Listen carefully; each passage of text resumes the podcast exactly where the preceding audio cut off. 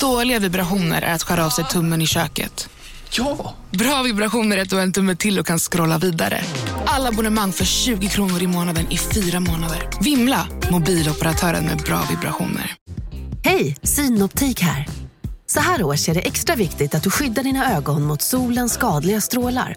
Därför får du just nu 50% på ett par solglasögon i din styrka när du köper glasögon hos oss på Synoptik.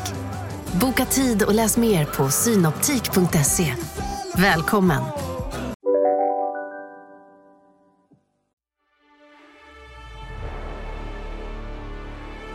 Innan avsnittet drar igång vill vi bara påminna om att detta är en nerklippt version.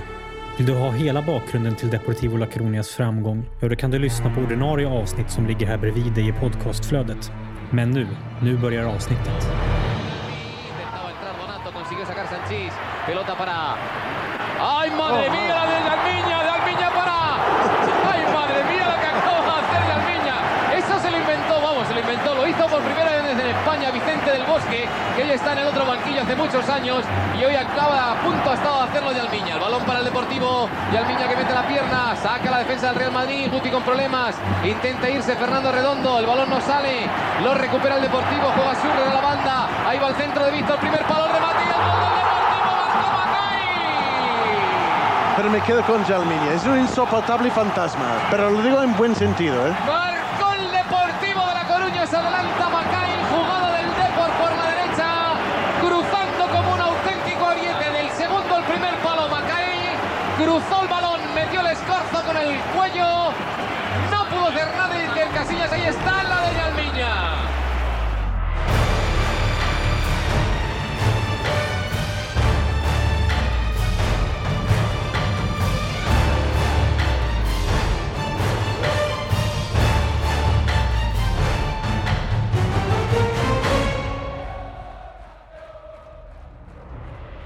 Efter över ett år med When We Were Kings har jag börjat hitta ett härligt mönster som jag inte såg innan vi började med den här podden.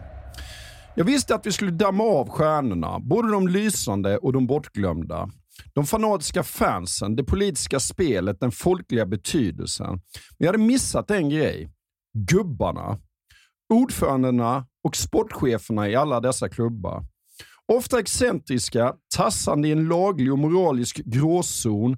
Narcissister vars vinnarskallar tar sig otroliga uttryck.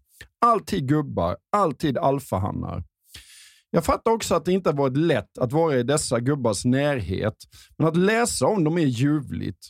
Ni känner igen dem vid det här laget. Det kan vara Pinto da Costa i Porto, Paolo Mantovani i Sampdoria eller Raine Kallmund i Leverkusen. Finns det en klubb som blommar upp finns det nästan alltid en gubbe bakom. Och idag får vi en ny härlig bekantskap. Deportivo La Coruñas långvariga president Augusto Cesar Lendoiro. I ett lag som var hopplösa, men som tog steget upp mot de största i världen och välte dem. Mm, och även om du absolut ska få ditt gubbmått rågat så skulle jag väl ändå vilja börja från mitt mitten den här gången, för det är kanske inte den allra mest sedvanliga dramaturgin. Man börjar ofta gärna från början eller till och med från slutet för dramatisk effekt. Men den här gången så ligger ju den allra största dramatiken någonstans mitt i berättarbågen. Och det går faktiskt att hävda att det enskilda ögonblicket är storligornas allra mest dramatiska ögonblick någonsin. För okej, okay, det har hänt att ligor har avgjorts med den allra sista sparken. Då tänker väl jag i alla fall främst på Michael Thomas för Arsenal mot Liverpool på Anfield 89 eller Sergio Agüero för Man City mot QPR 2012. Men båda de situationerna uppstod ju bara från en sekund till en annan. Det här är frågan om en mer infernalisk, diabolisk dramatik. För här hinner faktiskt spänningen byggas upp under flera minuter. Och I det här läget befinner vi oss då våren 1994. Och Deportivo La Coruña har redan gått en väldigt lång väg med din gubbpresident i täten. De har gått från de lägre regionerna av andra divisionen hela vägen till toppen av La Liga och nu är de en enda spark ifrån att faktiskt vinna serien. Att ta klubbens, att ta Galiciens första titel någonsin. Och allt de behöver göra är att slå in en straffspark på stopptid. För det är där de har hamnat. De har jagat ett ledningsmål, ett ligamål under hela säsongens avslutande match. Men de har inte hittat det. De har inte ens haft så värst många lägen förrän det här då händer. Spelare omkull, domare som blåser, straffskytt som ska avgöra. Och straffskytten den här gången, han är serb och han heter Miroslav Djukic. Han är libero för Deportivo La Coruña och han är inte lagets ordinarie straffskytt. Nu tar han bollen med händerna, placerar den på straffpunkten och sen vänder han sig aldrig om, utan han backar bort från straffpunkten hela tiden med blicken på motståndarlagets målvakt. Han tar några riktigt djupa andetag. Han ser ofrånkomligen rätt plågad ut. Han springer fram mot bollen för att slå dit den, för att fullborda det här sportsliga miraklet.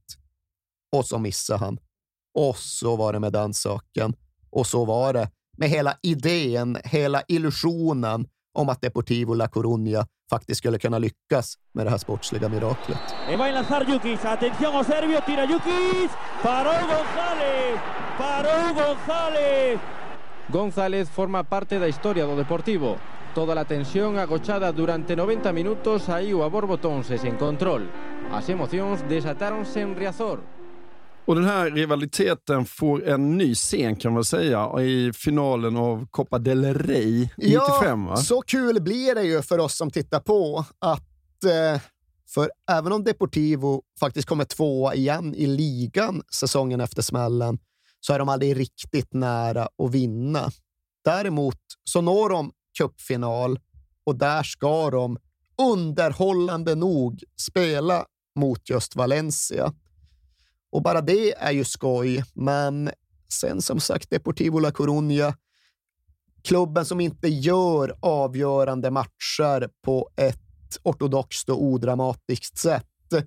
Klubben som tvingas avbryta sin uppflyttningsmatch för att läktaren fattar eld och klubben som nu tvingas ägna fyra dagar åt att spela en cupfinal. Det här är fyra dagars matchen mellan Deportivo La Coruña och Valencia. För inledningsvis, det är en jäkla kuppfest. Speciellt med den spanska fotbollen, att det inte är särskilt vanligt med stora bortaföljen. En vanlig ligaomgång så reser ju inte bortafans. Det är några hundra kanske. Det är det vanliga. Men cupfinalen, jäklar, då reser man. Ja. Det är bara så det är. Det är liksom nedärvt i fotbollstraditionen och det innebar ju att ja, men den här dagen, Bernabéu i Madrid, 45 000 reser från Valencia, Ja. 35 000 från A Coruña. Och det är väl rimligt. Det är 60 mil från A Coruña, det är 30 mil från Valencia. Valencia historiskt både större stad och större klubb, men även om Valencia har ett litet övertag på läktaren så är det inledningsvis det motsatta som gäller på planen. Deportivo tar ledningen, men sen kvitterar Valencia. Jag har för mig att det är Det är det. Mijatovic, den Ja. väloljade serben. Ja. Och därefter så tar Valencia matchen och trycker på för ett segermål. 20 minuter kvar, kvarten kvar. De pressar, de pressar. Risken är ju verkligen att gör de inte mål före 90 så kommer de ju mål i förlängningen, för de ser starka ut och Deportivo ser trötta ut. Här måste någonting göras. Här måste någonting ske. Så ja, det är väl någon galicisk magiker, någon galicisk häxdoktor som helt enkelt påkallar sin gamla kompis, Galiciernas gamla kompis, regnet, Ja, ovädret ja. från Atlanten. Men kanske använde han lite väl potenta ingredienser i sin häxbrygd, för det är inget vanligt regn som drar in över Bernabéu. Nej. Det är som sagt mitt i sommaren, så det är ett tropiskt oväder. Ett bibliskt oväder. Det är ett sånt skyfall så att jag knappt har sett något liknande och det slås rätt snabbt över till hagelstorm. Så på bara några minuter så läggs ju hela Bernabeus matta under vatten. Ja. Det är inte längre en gräsplan, utan det är en mindre insjö och det finns såklart inget annat val än att avbryta matchen. Spelarna ska ner i omklädningsrummet och på Bernabéu är det så att man går ner för en liten trappa så ligger omklädningsrummen under marknivå. Ja. Och det, var, det var ju totalt översvämmat ja, ja, där. I korridorerna ute, det var liksom vatten till midjan. De fick så hoppa på bänkar för att överhuvudtaget kunna nå sina omklädningsrum. Men det går inte att diskutera att matchen avbryts. Det blir rätt snabbt uppenbart att den inte kommer kunna återupptas. Men sen vet jag faktiskt inte riktigt varför det blir som det blir. Jag har inte fattat varför den väldigt spanska lösningen på det hela blir att ja, inte lira matchen på söndag, alltså dagen efter. Matchen gick på lördag. Avbry ja, men då kör vi väl på söndag. Ja. Värdet är bra. Nej, på tisdag ska ja. vi spela. Jaha, ja, på tisdag. Okej, okay, jaha, då är det väl så det får bli. Men Deportivo, alltjämt en rätt liten klubb, hade ingen erfarenhet av stora finaler, än mindre av fyra dagars finaler. De hade inte med sig några grejer liksom, till Madrid. De hade knappt med sig någon utrustning, utan de skulle bara spela matchen och sen skulle de dra direkt på semester. Nu ska de på något sätt hålla igång under fyra dagar, men de har inget. Det de då lyckas få igenom är att de får låna precis allt av Atletico Madrid. Ja. Jesus Schill, han känner igen en pamp när han ser den. Så han ser till att de dels får all utrustning, men därtill att de får använda Calderon för att träna. Och Calderon var nedstängd. Där hade alla dragit på semester. Liksom målburarna var bokstavligt talat nerpackade. Men när Jesus Schill ringer och vrålar om att det är dags att pucka upp målstolparna mm. igen, ja, då får den trötta spanska vaktmästaren faktiskt släpa sig ner i materialrummet. Men med det sagt och med det avklarat så är det ju såklart ändå en jäkla egendomlig situation som uppstår. För cupfinalen avbryts efter 34 och 34 av den andra halvleken, alltså i den 80 minuten i ställningen 1-1. Nu ska alltså spelas 10 minuter i grunden, mm. plus då eventuellt en förlängning, men i grunden 10 minuter fyra dagar senare. Och ja, hur förhåller sig lagen till det? Hur förhåller sig, hur förhåller sig fansen till det? Svaret är ju att de kommer igen, trots alltså det att det är vardag. 81 000 nere på de, på de tio minuterna. Tio minuter en tisdagkväll ja. mitt i sommaren. Ja. Det är otroligt ja, det är jäkla, jäkla imponerande. Och på något sätt så har ju Deportivo La Coruña här lyckats försätta sig i helt rätt mentalt läge. Det är inte inte så som det var mot Valencia i ligan eller så som det var vid något av alla dessa misslyckanden. Att nu är de redo. Och rent konkret hade de tydligen lagt ett jäkla fokus på att vinna nedsläppet. För det var ju så matchen rullades igång. Det är ingen ja. avspark, det är nedsläpp. Och de behandlar den som att det är liksom tekning i defensiv zon med 1957 spelad av en hockeymatch där det egna laget leder med uddamålet. Mm. Sånt jäkla fokus på det där nedsläppet. Den bollen ska vinnas, för det ska sätta standarden. Det ska liksom sätta tonen för resten av matchen. Och nu är de ju inte trötta längre. Nu är de uppskruvade och Donato tar nedsläppet. Och det kanske inte verkar så betydelsefullt, men sen blir det precis så som de har sagt vinner nedsläppet, tar grepp om matchen, dominerar spelbilden, gör det här till vår grej. Det är vi som agerar, det är de som får reagera. Och sen, ja, det går inte ens en minut. De spelar i mindre än en minut. Valencia har inte bollen. Deportivo bara på offensiv planhalva och sen slår de in ett inlägg och lilla Alfredo Santaleana, 1,65 lång eller någonting, vinner två dueller på raken och nickar in bollen förbi Zubizarreta tror jag fan ja, är som står för Valencia. Ja. Manjarín, el cambiado hacia Alfredo. Alfredo y gol. Gol de Alfredo. Ha marcado Alfredo apenas un minuto 56 segundos cuando Alfredo ha marcado este gol para el Deportivo. Apenas reanudado 58 segundos y Alfredo ha marcado para el Deportivo. Och det är ju fascinerande i sig att de under fyra dagar, vänd på det, Valencia har också haft fyra dagar. Ja. Har man fyra dagar på sig för att förbereda sig för tio minuters spel, du ska inte släppa in ett mål efter 54 sekunder. Nej, Det borde inte vara aktuellt. det kan inte vara kul för Valencia-fansen att släpa sig fyra dagar senare till Bernabéu och så 54 sekunder senare sedan. Det kunde de fan ha Ja, jo, jo. efter året som eh, Förvisso, föregick det här. ja. Men, och det kunde Deportivo gott ha. Det kunde man utifrån känna att det hade de förtjänat. Ja. Även om jag har lite svårt med just det ordet inom fotboll. Jag har svårt med rättvisetänket. Men de vann matchen, de vann kuppen, de tog klubbens första titel, de tog Galiciens första titel.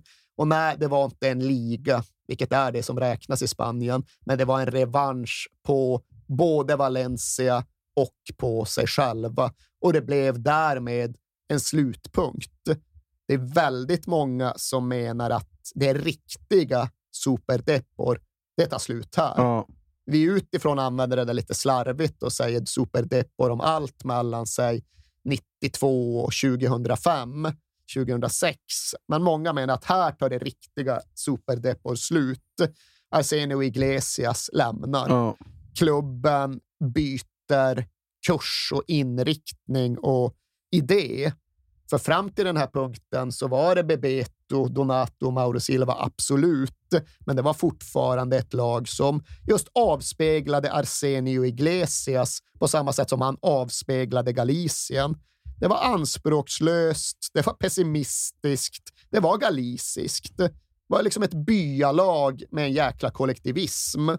Och det hade varit lokala spelare, basker och så några brassar och Balkanspelare. Men nu blir det något helt annat. Här har vi någonstans slut på den första fasen. Och vi ska snart komma till den andra fasen, men vi ska ju hinna med interimperioden på vägen. För här kommer det då ett par mellanår. Det är så Ja. vi får beskriva det. Ett par rätt vilsna mellanår då just arsenismon försvinner och ersätts av någonting som det är lite oklart vad det egentligen är. Ja.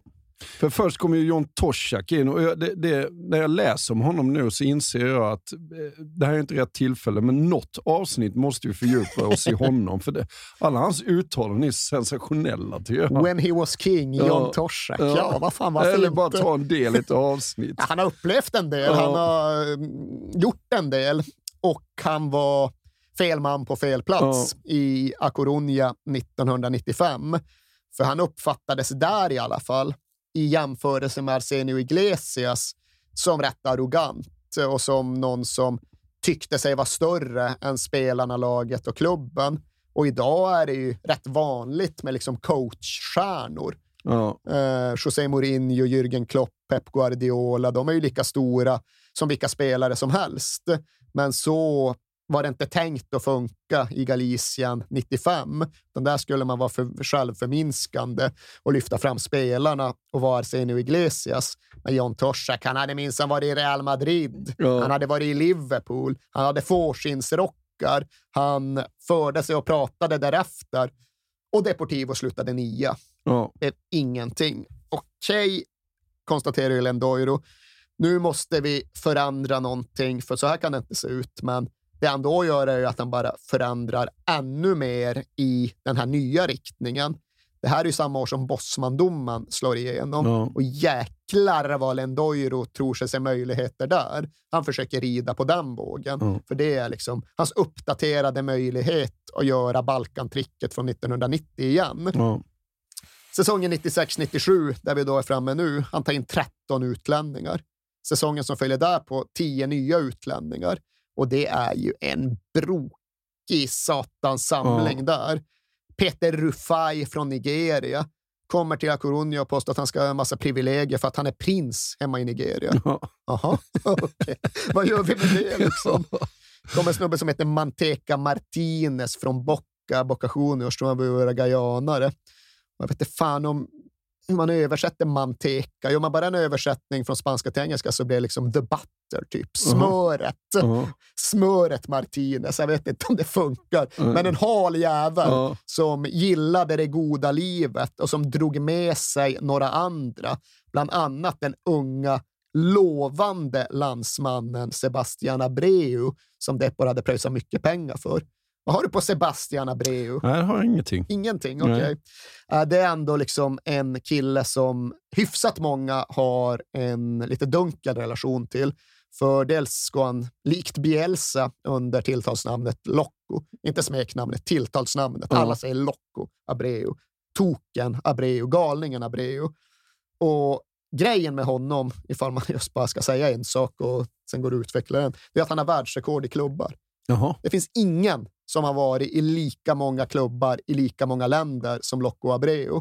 Men hans... Låter inte lovande. Nej. Nej, alltså det låter lovande i relation till att om vi ska göra ett avsnitt om Torsak kan vi fan i mig göra ett avsnitt om Loco Abreu. Jag tror han har varit i typ 30 olika proffsklubbar i minst ett dussin olika länder. Men hans riktningslösa kringflack det inleddes väl lite här i Deportivo när han bara kom och hängde med smöret Martinez mm. och var ute på kvällar och nätter och var helt eh, utan styrsel. Och det här är just under en tid då allt förändras i Deportivo. Allt blir sämre i Deportivo. Allt blir spretigare och rörigare. Och de har ett fanzine, Riazor Blues, som heter Kurva Magica. Och de går efter lite eftertanke eller efter lite bitter erfarenhet ut och proklamerar att fan, dagens Deportivo, den enda klubben i världen där spelarna beter sig sämre än vad vi Ultras gör. Ja. De super mer, de slåss mer, de är ute oftare, de är ute längre. Uh. Vad är detta? Ni stjäl från oss. Vi kräver lojalitet och hårt arbete. Men med allt det sagt och redovisat så är det ju ändå så att allt går ju inte åt helvete. De har ju en ny styrka efter sina framgångar Deportivo. De har mer pengar. Det finns nya möjligheter med Bosmandomen. Så i allt detta ursinnesvärvande är det klart att de hittar en del juveler också. 96, efter det första usla Torsak-året, då drar Bebeto. Ja. Han sticker till Sevilla. För... Gillar han inte Torsak? Nej, men Nej. ingen gillade ju någonting. Liksom. Men han trivdes inte längre. Han tyckte Nej. inte det var hans Deportivo. Han, också, han hittade ju aldrig rätt efter det. Efter det att Bebeto lämnade Deportivo 96 så blir han ju aldrig samma spelare. Nej. Han blir aldrig ens särskilt bra igen. Han börjar leva någon form av Locco Abreu-liv där han bara drar runt och testar allting. Jag tror han spelar för nio olika klubbar under de sju säsonger som han har kvar av karriären. Under alla de här säsongerna så gör han aldrig fler än tio mål nej. någon gång igen, någonstans igen. Och sa det att nej, det var när jag lämnade Deportivo som jag även sa farväl till glädjen med min fotboll. Ja. Men okej, okay, ersätta Bebeto, det är såklart inte helt enkelt. Och där lyckas de ju. Ja. Det allra svåraste, det lyckas de ja. faktiskt med. Ersätta lite komplementspelare är en sak, men ersätta Bebeto, jajamän, vi tar in Rivaldo. Ja. Och det är egentligen samma typ av grej som när de värvade Brassa förut, att det var någonting med den där klubben som låg längst, längst fram i kön som gick fel. Rivaldo skulle till Parma. Ja. Rivaldo skulle spela med Brolin och vem vill inte spela med Brolin? Nej. Rivaldo vill spela med Brolin, men det blir inte så av en eller annan anledning. Och där kan Deportivo då hoppa in och kapa åt sig honom istället. Och det blir ju bättre än vad någon hade kunnat hoppas på. Han gör fler än 20 mål direkt första säsongen och det är såklart tydligt att ja, men här är den nya stjärnan. Här är det nya stora hoppet kunde vi nästan vinna ligan med Bebeto, då kan vi nog fan faktiskt vinna ligan med Rivaldo. För det var inte bara han heller, utan det var en ny handelsväg som innebar att han fick sin egen supportapparat. Sitt eget rockband var liksom intakt. Han var lead singer, så fick han med sig både trummisen och basisten från sin gamla miljö. För Rivaldo hade spelat i Palmeiras mm. och där fanns även Flavio Conchechao. Och honom lyckades de lirka loss trots att andra klubbar också var sugna. Och där fanns då även Jalminia. Det var de tre som hade slitit upp träd i ett jättebra Palmeiras. Flavio Conchechao, Jalminia, Rivaldo. Jalminia blir klar efter den här första säsongen när de andra två redan hade varit där ett år. Och nu var ju idén att den magiska triangeln var på plats. en ännu vassare spets än någonsin tidigare skulle nu leda Deportivo. Nu jävlar skulle alla få se hur mycket grönt guld som hade funnits i Palmeiras och hur otroligt det var att Deportivo hade lyckats bärga allt. Men precis just då, nästan på dagen samtidigt som Jalminja landar och ska börja göra sina grejer, ja, då drar Rivaldo. Ja. Och det kom från en blixt, som en blixt från klar himmel. Louis van Gaal hade honom som högst på sin önskelista. va? Ja, men de hade ju andra grejer för sig. De hade egentligen tänkt värva McManaman, Ja. som ju verkligen inte är samma typ av spelare.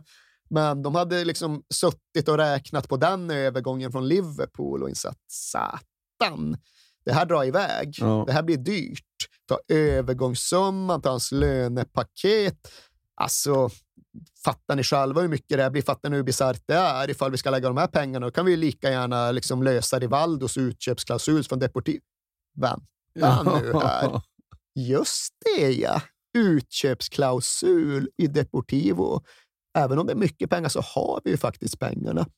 Idag, 2020, har ju det här med utköpsklausuler i spanska kontrakt blivit allmän kännedom. Det är liksom en faktor så fort det är silly season. Vad är klausulen Ja. på? Och det är ju så att alla spanska spelare har en klausul och ifall man inte riktigt har skött det ordentligt, ja, då kan plötsligt Arsenal bara lägga de pengar som är stipulerade och ta med sig Thomas Partey. Det finns Ja. inget Atletico Madrid kan göra. Men i de fall det har skötts ordentligt, då är, de ju, då är det så här 9 miljarder Exakt, för någon. ja. Och det var ju det som var känslan i Deportivo. De har lagt den där på en så astronomisk nivå att det liksom kommer aldrig bli tal om någon övergång. 30 miljoner euro var det va? Något sånt. Ja. Ja. Och det låter inte mycket idag. Det var mycket då. Ja.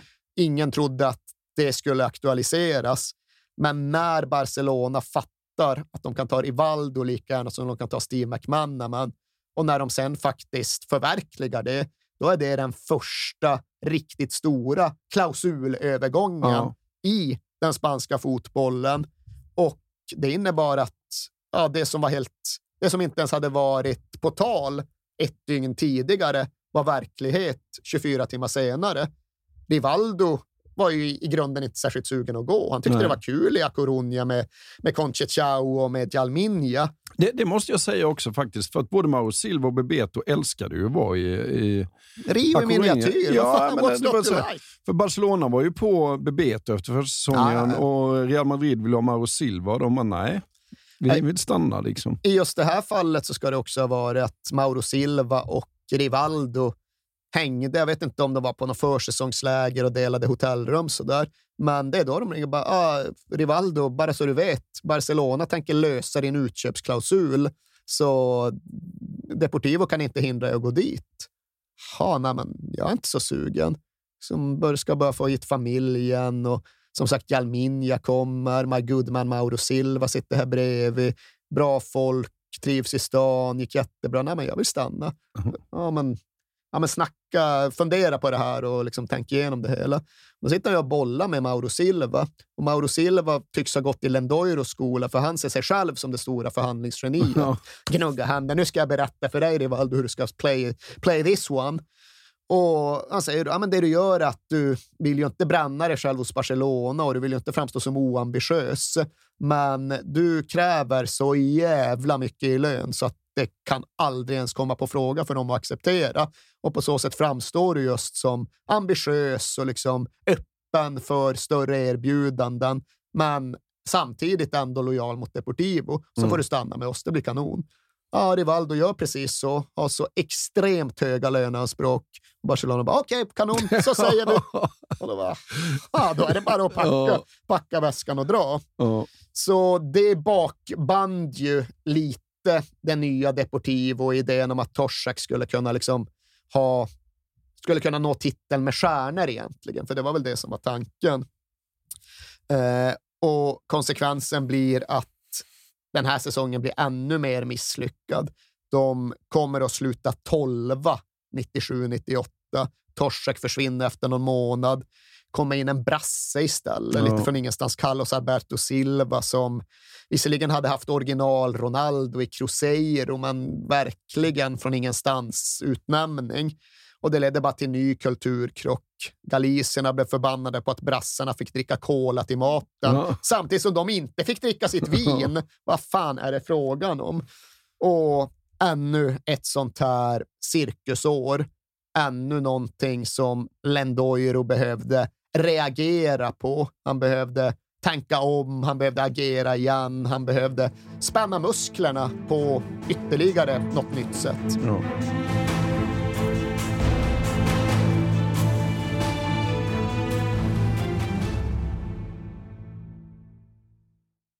Vi fortsätter med vårt stora 90-årsfirande, Alex. Ja, precis. Själva födelsedagen för Stryktipset är ju i oktober, men det här är liksom det är förfesten. Ja, för vi är ju sponsrade av Stryktipset, ett spel från Svenska Spel, Sport och Casino för dig över 18 år. Vi är ju det och eh, har du problem med ditt spelande så finns stödlinjen.se där för dig. Och jag eh, funderade lite så här, undrar hur många som har haft 13 rätt genom de här 90 åren. Som har eh, förtjänat den här respekttröjan. Liksom. Vi firar ju på vårt speciella sätt med våra kära lyssnare som ja, älskar Stryktipset och har skickat in historier till oss om eh, hur Stryktipset har påverkat dem i 90 minuten. Och fortsätt gärna skicka in de fina historierna till kings at perfectdaymedia.se. Har vi någon historia idag? Ja, det har vi. Och den kommer från Thomas. Den är kort Mm. koncis. Mm. Den går så här. Jag vill tro att detta är 2010. Arsenal spelar otrolig fotboll och ska bara städa av Sunderland och leder med 1-0 på stopptid. Mm. Jag har 12 rätt med häng på 13. Jag minns som sagt inte vilket år det är, men målskytten glömmer jag aldrig. Darren fucking Bent. Han bombar in 1-1 och 12 blir 11 som sen blir 10 rätt. Styrtipset är verkligen otroligt och otroligt grymt ibland. Tack för en fin podd. Om jag inte har helt fel så har Darren Bent även en historia i Tottenham, va? Det har han, verkligen. Ja. Men det går vi Så- inte in på nu. Nej, men det var ju ändå fint att Darren Bent sänker Arsenal för Sunderland. Ja, det får man ändå säga. Men vi säger stort tack till Thomas och vi säger stort tack till våra vänner på Stryktipset. Vi är sponsrade av Ikano Bank och Ikano Bank är ju banken för allt som rör hus, hem och ekonomin däromkring. Och de har ju också en tagline som är Sveriges hemkäraste bank. Är inte det exakt det man är ute efter när man söker efter en bank? En bank med tydliga, bra bolån, privatlån, sparande med schyssta villkor, konkurrenskraftiga räntor, Håkan. Det är väl det enda man bryr sig om i dessa dagar. Ja, Och så vidare. Så är det faktiskt. Ja. Ja. Och de har ju faktiskt rätt att kalla sig Sveriges hemkäraste bank därför att Ikano Bank startades av grundaren till Ikea. Precis. Om inte det är hemkärt så kan man verkligen fråga sig vad hemkärt det är. Ikano Bank har precis släppt en större rapport som heter Tre dimensioner av rikare boende. Mhm. Där man undersökt och presenterat statistik kring vad svenskarna värdesätter med sitt boende. Och deras första undersökning visar ju någonting ganska häpnadsväckande. Eller hur? Det gör ju det. Kan du, kan du berätta? Ja, den visar ju att trots det höga ränteläget så har mindre än hälften av svenskarna vidtagit någon form av åtgärder det senaste året för att förbättra sin boendeekonomi. Ja, det låter ju inte så bra kanske. Nej, det gör det ju verkligen inte. För att undersökningen genomfördes i augusti och det är bara 45% som har gjort det. Och av dessa har endast 16% av bostadsägarna förhandlat om lägre ränta. Mhm. Mm. Många verkar ju ha en uppfattning om att det är jobbigt och krångligt att byta bank, vilket det inte är. Fler borde kolla upp om du kan spara pengar genom att byta bank. Därför uppmanar vi er att ta kontakt med Ikano Bank eller gå in på ikanobank.se för att se om du faktiskt kan få en bättre ränta. Vilket är en no-brainer med tanke på hur ränteläget ser ut, eller hur? Verkligen, så är det ju. Vi säger stort tack till Ikano Bank.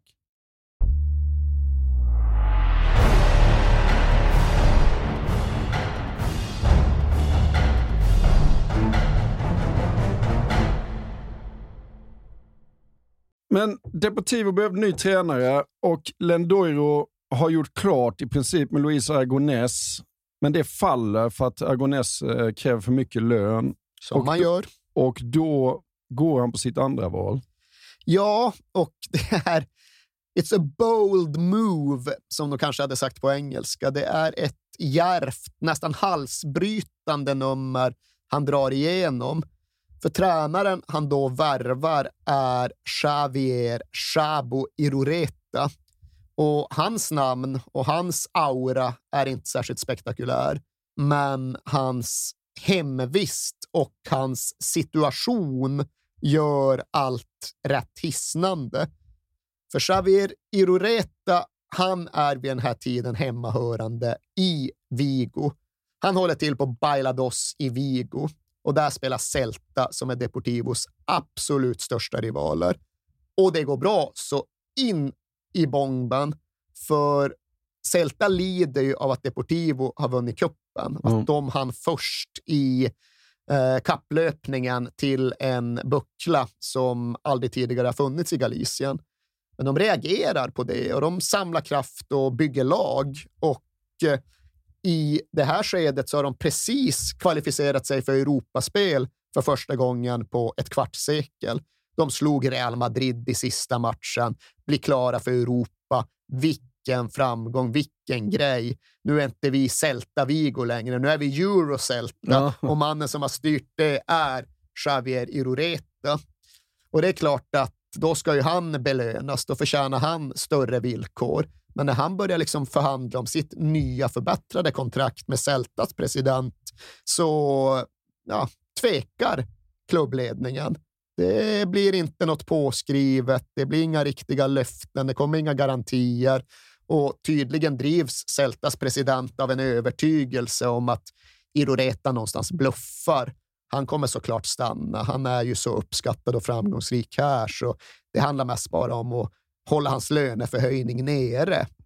Men i det läget slår då Lendoiro till. Ja, ja Iroreta skriver på och lämnar den ena lokalrivalen för den andra under en kapprustningstid där båda klubbarna var väldigt starka. Så det var en extremt spektakulär övergång. Det var väl kanske inte Figo till Real Madrid för oss, men för dem i Galicien var det Figo ja. till Real Madrid. Ja. Det var liksom så anmärkningsvärt, så upprörande. Och Iroreta själv var bask, så han var inte direkt indragen i det lokala, men han kände till mentaliteten, han förstod grejen. Han var också ganska välbalanserad. Herrarna från norra Spanien tenderar inte att vara så extremt emotionella, så han mm. liksom tog ändå det där med jämnmod och sa att ja, men det lägger sig, det blåser förbi. Förhoppningsvis så dröjer det rätt länge innan vi ska åka till, Celta, åka till Vigo för att möta Celta, så då har det säkert liksom, då har känslorna förmodligen dämpats. Mm. Sen kommer spelprogrammet. Första matchen, Celta Vigo borta. Han får ett mynt i huvudet och det är ett jävla, en jävla kalabalik. Men med tiden på andra sidan av den matchen så la det sig hjälpligt. Det gick i alla fall att arbeta och den här första säsongen gick okej okay för Iroreta och hans lag. Normaliteten återvände, stabiliteten återvände. Det anspråkslösa, det måttfulla, det arbetsvilliga återvände. Deportivo blev någonstans Deportivo igen. Mm. Det värvades inte tolv utlänningar, utan det värvades i stort sett enbart från det spanska ligasystemet. En del utlänningar, absolut, men de hade i så fall varit i den spanska fotbollen och akklimatiserat sig. Så värvningspolicyn gick tillbaka till vad den hade varit. Spelmodellen gick också tillbaka till vad den i väldigt hög utsträckning hade varit. Arsenio Iglesias, pessimist, orolig, såg katastrofen, spelar med femback och Mauro Silva. Sen kommer Torsek och någon brassetränare in och ska låta Rivaldo dribbla. Äh, nej, nej.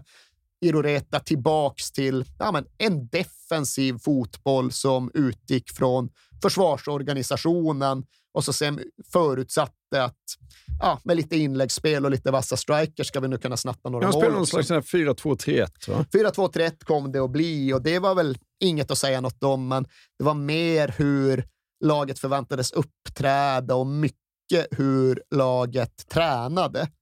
Extremt mycket repetition. Mm. Okej, okay, nu kör vi den här inläggsövningen 40 gånger mm. och sen så kör vi en annan inläggsövning 40 gånger till och sen så gör vi samma sak varje dag hela den här veckan. Väldigt mycket repetition för att uppnå det vi idag kallar för automatiseringar. Ja. Ett anfallsspel som inte går på intuition utan på intränad mekanik. Ja.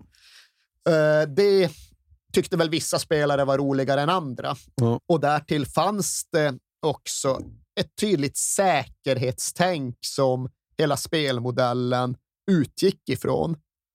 Det var någon gång han gjorde så en taktikgrej med lokaltidningen Voz de Galicia där han stod vid en tavla och drog pilar och liksom på så sätt skulle förklara spelmodellen. Och sen kom artikeln i tryck och bilderna publicerades och Iroreta nojig som satan. Han tyckte fan, på de här bilderna, det är alldeles för många pilar som pekar framåt. Ja. Spelarna kan få idéer. och det ville ja. han verkligen inte. Och spelarna visste väl inte riktigt hur de skulle tycka kring allt detta. I synnerhet inte de som ändå var invärvade från andra delar av världen och andra sätt att spela. Var någon gång en journalist stod och pratade med en grupp spelare och någon ställde fan, ni som kan, ni som har varit med och sett det, stämmer det att Iroreta själv var en offensiv spelare? Att han liksom var kreatör, att han liksom nästan till var anfallare? Ja, ja, det var så han var. Och Chalminja bara stod Anfallare? Omöjligt. Omöjligt. Och sen var inte det heller hela grejen med Iroreta, hans sätt att coacha, hans sätt att leda Celta. För spelmodellen, absolut, men också hans sätt att vara, hans sätt att uppträda i relation till sin spelargrupp. Inledningsvis så säger alla de som Iroreta värvade till Deportivo att det var märkligt, för när han skulle liksom övertala oss eller när vi skulle ha ett samtal om hur det skulle bli så ställde han egentligen bara tre, fyra frågor. Och det var alltid samma frågor. Är du gift? Vart ska du bo? Vart tänker du att era barn ska gå i skolan? Det var då, det han var nyfiken på. För ja, han ville ha stabil, han ville inte ha Loco Abreu. Nej, han nej. ville ha stabila män som gick till jobbet, gjorde jobbet och sen åkte hem till sin familj. Mm. Det fanns liksom nästan något dygdigt i hans sätt att tänka och vara och sträva. För själv tog han ju för inte med sig familjen till La Coruña. Eh, däremot så bodde han själv på exakt samma hotellrum under alla de sex år som han befann sig i stan. Och varje dag så gick han på precis samma promenad i precis samma träningsoverall och avslutade med precis samma lilla stopp i samma kyrka. Mm. Varje dag, varje dag. Och vissa uppskattade honom som någon typ av fadersfigur, andra, de flesta, framför allt med tiden, kom väl i högre och högre utsträckning att uppleva honom som kall och distanserad och ja, men nästan ointresserad. Mm. Och det finns lokaljournalister som har verkligen fördjupat sig i hur Iroreta fungerade och de hävdar att ja, men det var allt mer en medveten strategi att få laget att sluta sig samman mot honom.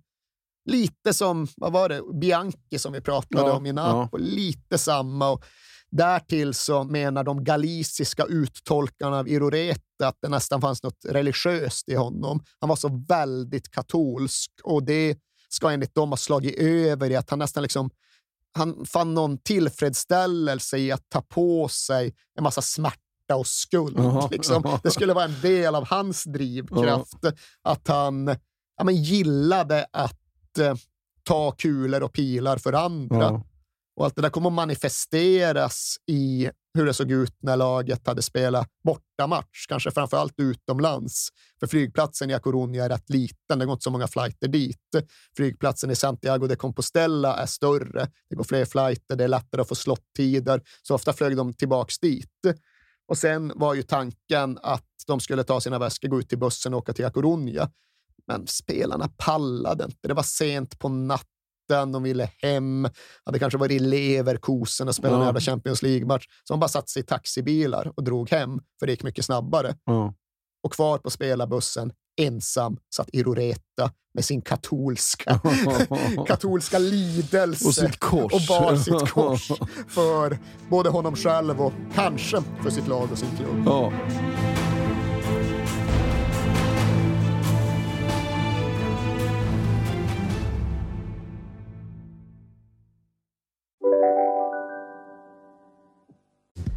Hej, Synoptik här. Så här års är det extra viktigt att du skyddar dina ögon mot solens skadliga strålar. Därför får du just nu 50% på ett par solglasögon i din styrka när du köper glasögon hos oss på Synoptik. Boka tid och läs mer på synoptik.se. Välkommen! Om en så vidde på väg till dig för att du råkar ljuga från kollega om att du också hade en och innan du visste ordet av bjöd du hem kollegan på middag och... Då finns det flera smarta sätt att beställa hem din sous på. Som till våra paketboxar till exempel. Hälsningar Postnord. Välkommen till Momang, ett nytt smidigare kasino från Svenska Spel, Sport och Casino där du enkelt kan spela hur lite du vill. Idag har vi Gonzo från spelet Gonzos Quest här som ska berätta hur smidigt det är. Sí, es muy excelente y muy rápido! Tack Gonzo. Momang, för dig över 18 år. Stödlinjen.se. Du, ska vi ta truppen som man går in i vår säsong med? Vår säsong där vi nu har anlänt, som är 99.00. Ja. Alltså det som är Iroretas andra säsong. Och precis som du sa så är hans grundformation 4-2-3-1 och vi blåser väl igenom laget på det sätt som vi brukar göra. Och vid målvakten stannar vi gärna till, för där stod Jacques Songo. Kamerun, va? Exakt, Ja. en del av det kamerunska målvaktsundret. Och vi var där i avsnittet om det kamerunska landslaget, pratade om Thomas Nkono och hans rivalitet med Joseph Antoine Bell. Jacques Songo i mål, fyrbackslinje med den solida högerbacken Manuel Pablo, med Noureddin Naibet, Tottenham Legend, Ja. innanför honom. Naibet var hård och kantig. Donato promenerade omkring och var spelintelligent bredvid honom. Ja. Han sopade upp och han var extremt spelintelligent. Ja. Och sen fanns det en vänsterback som hette Enrique Romero som också var solid, men som var mycket mer offensiv än Manuel Pablo på högerbacken. Han rusade framåt, han gjorde en del poäng. Han fick lite mandat av Iroreta. Och så är det ett innermittfält, det lite defensiva innermittfältet, där Mauro Silva fortfarande höll världsklass. Vann varenda boll som behövde vinnas. Omöjlig att passera. Liksom brukar prata om att det är bra behagligt att spela målvakt bakom en bra backlinje. Det var väldigt behagligt för Donato att promenera Ja. omkring i backlinjen bakom Mauro Silva. 40. Fan vad fint att fylla den Ja. rollen. Men extremt bra som defensiv mittfältare Ja. som liksom barriär att försöka bryta ner för motståndarlaget. Och sen även rätt bekvämt för Flavio Conchechao bredvid honom att kunna vara lite elegant och fördela lite boll och vara lite mjuk och skön. Ja. För ja, Mauro Silva vann bollen, Flavio Conchechao satte sen den i rörelse, omvände bollinnehavet till anfallsspel och skickade upp den till frontfyran, där vi då hade två spanska yttrar. Victor Sanchez till höger, nyförvärv. En av så här liksom Iroreta scoutad, gjort det bra i det spanska ligasystemet men har högre potential. Perfekt. Vänsterkanten, Fran, Ja. vår gamla kompis. Fortfarande kapten, fortfarande mest idoliserad hemma i A Coruña, men med allt större skadeproblem. Spelade faktiskt aldrig så lite som han gjorde den här säsongen för att han var skadad så ofta Ja. men helt självskriven i laget när han var fit for fight. Och så då innanför dem som tia, ja, killen som kompletterade brassetriangeln, killen som jag snart ser fram emot att prata ännu lite mer om, Jalminja, Ja. geniet. Och är man ett geni som fördelar boll och så sista passningar, då vill man gärna ha något effektivt framför sig. För det hittade verkligen Deportivo den här sommaren. De tog in en anfallare från Teneriffa. Teneriffa hade just åkt ur och det var inte så att Europas storklubbar stod på kö, men här hade de sett någonting. De hade sett en anfallare med, alltså, som inte hade någon så här solklar spets, som inte var snabbast, starkast eller hårdast i världen, men som var extremt dubbelfotad, kunde skjuta när som helst, ur vilka vinklar som helst med båda fötterna. Nära håll, lång distans, djupled, inspel, inga problem. Alla typer av avslut. Och han hette såklart Roy Mackay. Han gjorde inte det eftersom att jag ställer den frågan Ja. med en försåtsminering. Han gick ju såklart under Roy Mackay, precis som Teddy Sheringham gick under Teddy Sheringham. Men hans dopnamn, vad hette han egentligen i förnamn? Ja, Om man nej. kallar sig Roy, vad är liksom smeknamn Roy, dopnamn? Roger. Ja, det är en gissning. Den är roligare. Det är därför jag tar den. Nej, det vet jag inte. Rudolfus. Rudolfus. Rudolfus Mackay Ja. på topp. Atención, peligro, Macay. El balón se estrella en primera instancia. Macay otra vez. ¡Gol! ¡Gol del Depor! Perdonó la Real Sociedad, machacó el Deportivo. Roy Macay a la segunda la puso dentro. 11 minutos, 12 se van a cumplir de la segunda parte. Och hur börjar säsongen då? Han börjar som smort. Nej, det gör den. Alltså, den hackar lite i den allra första början. Men sen gnisslar Iroreta-maskinen verkligen igång. Och i den tolfte omgången, alltså i slutet av hösten, då har de verkligen fått upp farten. För då är de inne i en svit och de tar sju raka segrar i ligan. Och den tolfte omgången slår de Rayo och då tar de över serieledningen. Men den sviten kommer sen att kulminera med derbyt mot Celta Vigo. Och det kanske inte var det största derbyt i historien, men det var det glammigaste. Deportivo låg etta, Celta låg tvåa. Ja. Galicien styrde fotbollen i Spanien. Yalmiña, entró Romero. Gol del Depor, marcó el Turu. En la primera ocasión que ha tenido en lo que llevamos de partido, acaba de ponerse por delante el Deportivo. Så Celta kommer med sin bästa någonsin Mostovoy och Jalminja halvt psykar, halvt spelar ut honom. Deportivo vinner den matchen och bibehåller eh, positionen i tabelltoppen. Sen är det ju matchen mot Real Madrid hemma som vi måste Jalminja snacka lite extra Ja. om. För där är ju också hela liksom berättelsen som har upprepats på de galiciska ölstugorna år efter år. Att inför matchen, inför det att Deportivo ännu en gång ska slå tillbaka Real Madrid. Och så, de gjorde ju alltid det. Ja, ja. 18 år i rad så åker Madrid därifrån utan seger. Så står brassarna och snackar i spelartunneln. Och Mauro Silva, ansvarstagande, plikttrogen, han gör liksom sin, eh, har sitt resonemang kring hur matchen måste mm, te sig. Och han säger till Jarmin att "Nej, idag, vi, idag behöver vi något av dig. Liksom, idag måste du göra något speciellt. Det är Real Madrid hemma. Vi tar det defensiva, vi löser det, men offer, vi måste liksom ha en gnista. Vi måste ha något som tänder matchen, laget, publiken. Jarmin bara, "Du, du, det löser sig. Jag har det. Jag har det. Och det han sen gör i match är ju att han introducerar den så kallade lambrettan Ja. för den spanska fotbollen. Vad är lambretta i det här fallet? Ja, det är när du sätter ena foten bakom bollen och- andra framför och så lyfter du bollen över huvudet. Liksom. Alltså du har den bakom dig, du Ja. klackar den, men du Ja. gör den där liksom manövern där du drar den och sen snärtar den över ditt eget huvud och framåt.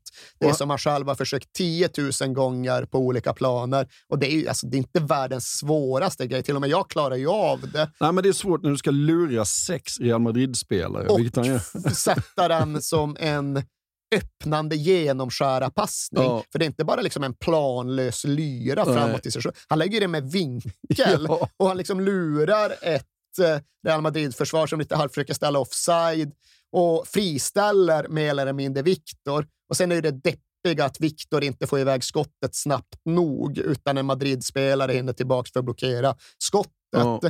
Men sen håller Deportivo trycket redan i samma spelsekvens, i samma anfall, så kommer ett inlägg och Roy Mackay nickar in ledningsmålet. Och sen ska liksom sändningen produceras och repriser på målet ska visas. Kommer inga repriser på målet. kommer bara repriser på Lambrettan. Ja. Liksom, de skiter väl i målet. Ja. Såg Med ni det all där? ja. För just den spanska fotbollen hade inte sett. Det kanske var något som hade synts i Brasilien massor med gånger tidigare. I Spanien hade ingen gjort det Nej. där. Och det var en sak sen Zidane kom och gjorde sina roulette-grejer som också var lite ny för Spanien. Men det var inte det lika nytt och det är inte lika i ögonfallande. Nej, och så just det här också att det är inte bara en ball grej, utan det är liksom fem, eller fem eller sex Real Madrid-spelare mot honom och han bara spelar över dem och öppna ett läge för en annan. Och gör det halvt på beställning, Ja. på, kommenderad av Mauro Silva. Idag får du plocka fram grejerna liksom. Sanchís,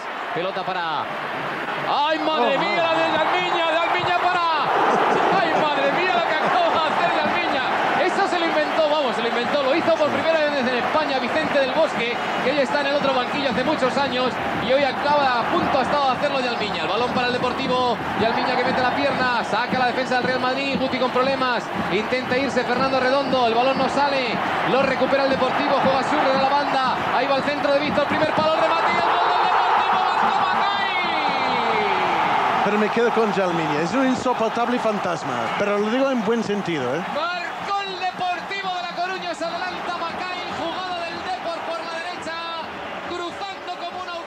Gästen om våren då, Erik?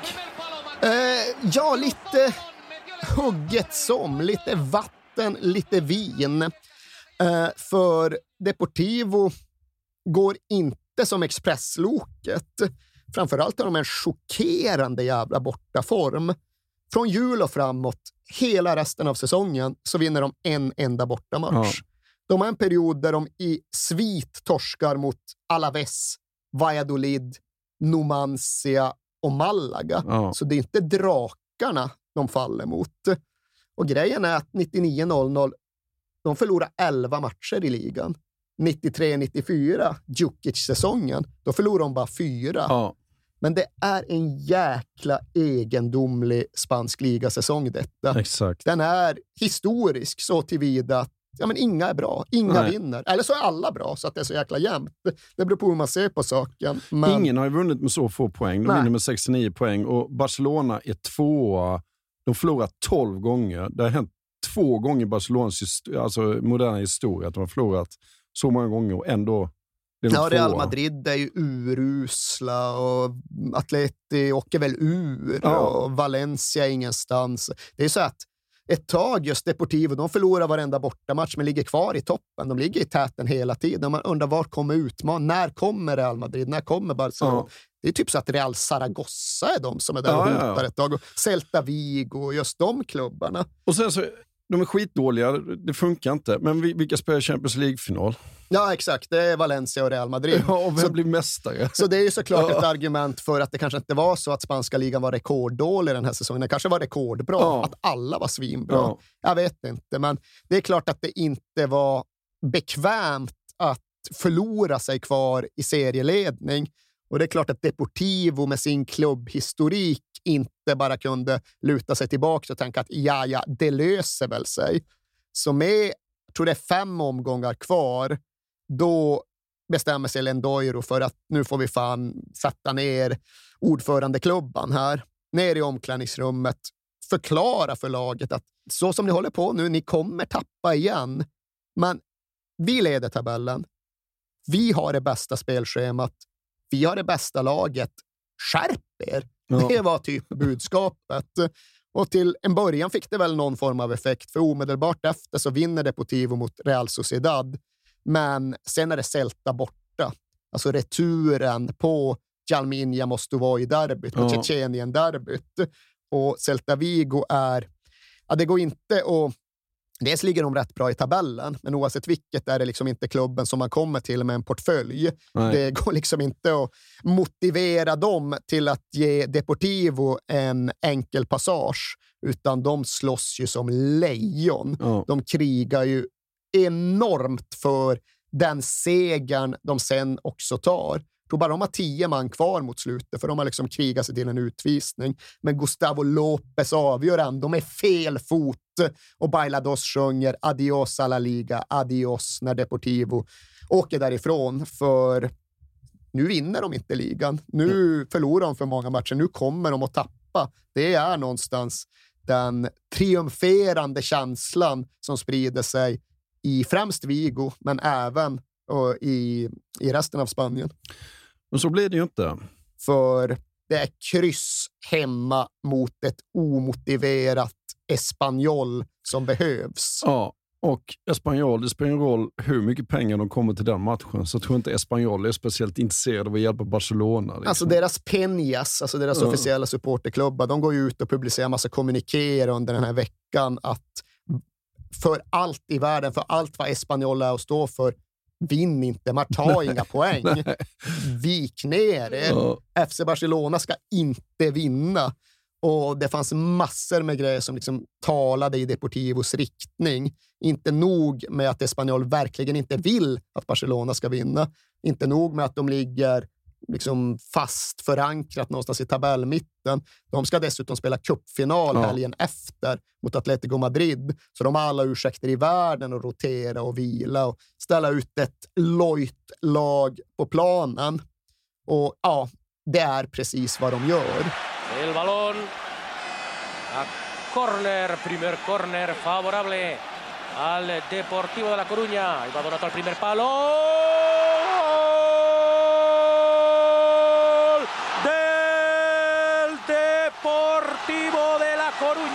Tres y medio. Donato acaba de cabecear el primer tanto que pone todavía más cerca el campeonato para el Deportivo de La Coruña. Toda La Coruña, toda Galicia vibra con este primer tanto de Donato. Manuel Pablo levanta la cabeza, recorta el centro de Manuel Pablo. ¡Gol!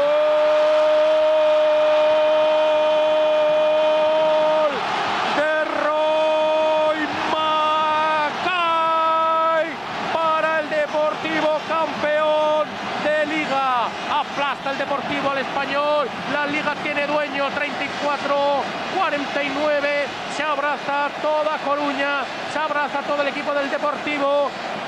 Porque Macay fusila por segunda vez sin contemplación. Ratifica el mejor equipo español. El Deportivo es el campeón de la liga. La locura. En el Riazor, el público que salta al terreno de juego no se ha podido contener. La emoción, 93 años de espera. El Deportivo, la escuadra azul de Javier Irureta Goyena, ha formado hoy, atención, para la historia. Songo, Manuel Pablo Romero, Naivet Mauro Silva, Macay, Yalmiña, Fran, Víctor Donato y Jokanovic. Es el 11 que el Deportivo de La Coruña puso en liza para ser campeón de liga. Det är lite för tidigt att lämna. Ja, än är vi inte klara. För än var inte Deportivo klara. Eh, de fortsätter att vara konkurrenskraftiga och mer därtill. Så de kommer tvåa igen i ligan säsongen efter. De kommer tvåa igen i säsongen som följer på det. Men det är ändå inte något av de ligaäventyren som vi behöver ta fäste på, utan vi behöver däremot säga några ord om det som blev den här erans allra största, allra tyngsta seger och match. För ja, Djukic-matchen, det var, det var vad det var. Copa del Rey mot Valencia, fantastiskt. Seger mot Espanyol, förlösande, behaglig.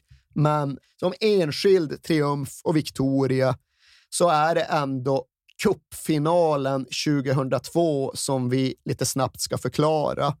För det var en speciell cupfinal.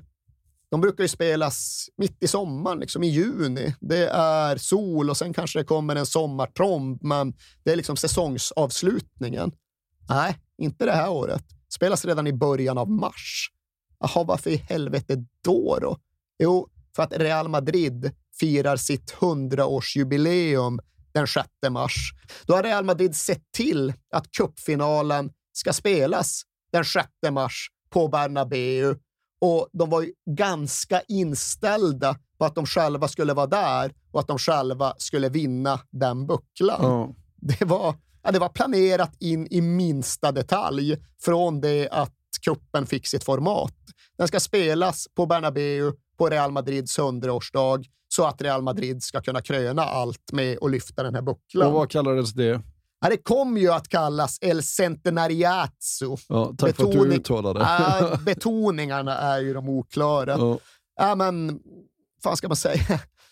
Om- Århundrads, eller hundraårstiteln, va? Ja, det blir väl så. Men det blir Ja. också med implikationer från liksom Maracanazzo i Brasilien. Ja. Liksom den där stora finalen, den där stora festen som inte blev av, som istället blev en stor jävla smäll, en stor jävla implosion. För i Deportivo-lägret så satte det ju sig inför matchen en övertygelse om att ja, ni har skrivit ett manus, men ni verkar inte riktigt ha med alla inblandade aktörer. Det är liksom ingen som har tagit det här med oss om att vi ska vara statister på Real Madrids hundraårsfest. Cuando ya está a punto de cumplirse el 49, observen al Endoiro mirando el reloj. Nervios de todos los deportivistas. Ahí va ese balón al área del Depor. Ha sacado César. Corre, como no. Ahí Sergio y se acabó. Se acabó el Depor campeón de la Copa de Su Majestad el Rey. El Deportivo campeón de la Copa de Su Majestad el Rey acaba de ganar por dos goles a uno al Real Madrid en el Estadio Santiago Bernabéu. Ha ganado el Deportivo. Ahí está la felicitación de Su Majestad el Rey. Al presidente del Depor, Augusto César Lendoiro. Det är klart att de värderar sin ligatitel högst. Men som enskild match, som enskild kväll, så är det här höjdpunkten för Super Depor. Det är La Revolución de los Humildes. Det är de ödmjukas revolution. Det är 40 000 jävla bybor som skrattar åt imperiet. Ja. Det är de kuvade som låter folk få veta att kolonierna också har kraft. Och det är också rimligt att säga att laget blev aldrig bättre än det var precis just vid den här tiden. Men med Jalminja, med Mauro Silva, med Fran, ja, där tar den här eran som vi har gått igenom slut. Efter det finns det inte längre något superdepor. Och det är också något som går att vidga till dels hela staden A Coruña. För det som också händer är att Paco Vasquez avgår som borgmästare. Mm. Och det tycker kanske Lendoiro är kul. Eh, men det är ändå så att staden uppfattar det som ett annat slut på en annan era. För parallellt med fotbollsklubbens framgångar, då hade ju stan fått självbilden och självförtroendet tillbaka. hade hänt jättemassa positiva grejer under den här tidsperioden. Under den här 20-årsepoken, ja, det liksom hade kommit in en massa EU-projekt och EU-pengar. Ett klädmärke som heter Inditex hade vuxit som satan och liksom blivit en global spelare. Och Det hade verkligen gått hand i hand, det här med att staden återhämtade sig och att fotbollsklubben gjorde mirakel. Så det var bra. Det var historiskt för klubben, det var fantastiskt för staden. Det var ju också något väldigt välgörande för fotbollssporten, för den spanska fotbollen. Och det här är inte riktigt, det är inte Spaniens Leicester. Nej. det är. Det är en annan typ av historia.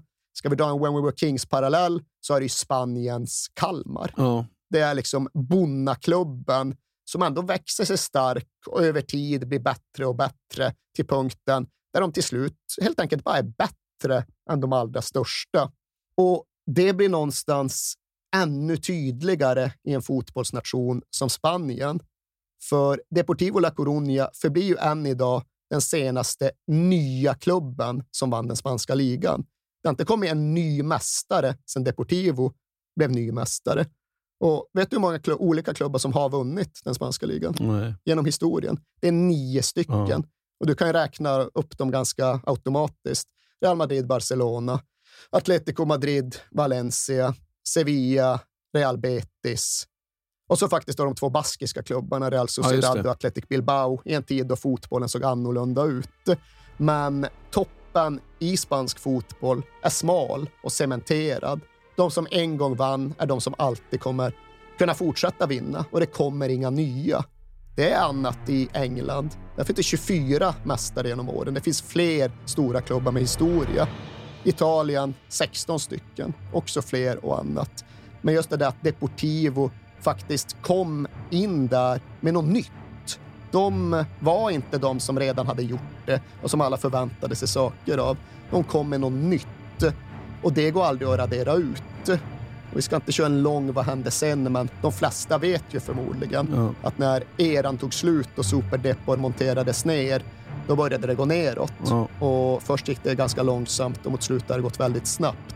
Så nu är ju Deportivo nere i Segunda B, Mm. den regionala tredje divisionen. De slogs för livet att inte hamna där 1988. Nu är de där. Ja. Och det är såklart smärtsamt. Det är inte där de ska vara.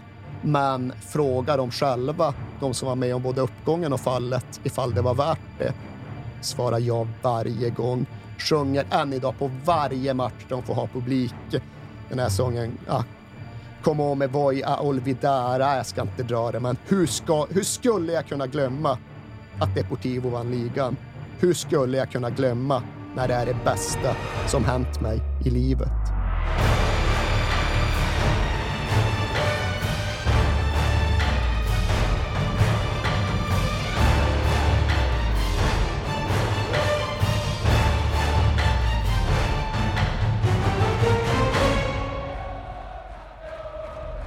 Du har hört When We Were Kings om eh, Deportivo La Coruña 1999-00. Fortsätt gärna mejla oss på kings at perfectdaymedia.se och följ oss hemskt gärna på, på- på Instagram på www.k podcast. Vi hörs nästa vecka. Ha det så bra till dess. Hej då! Den här podcasten är producerad av Perfect Day Media.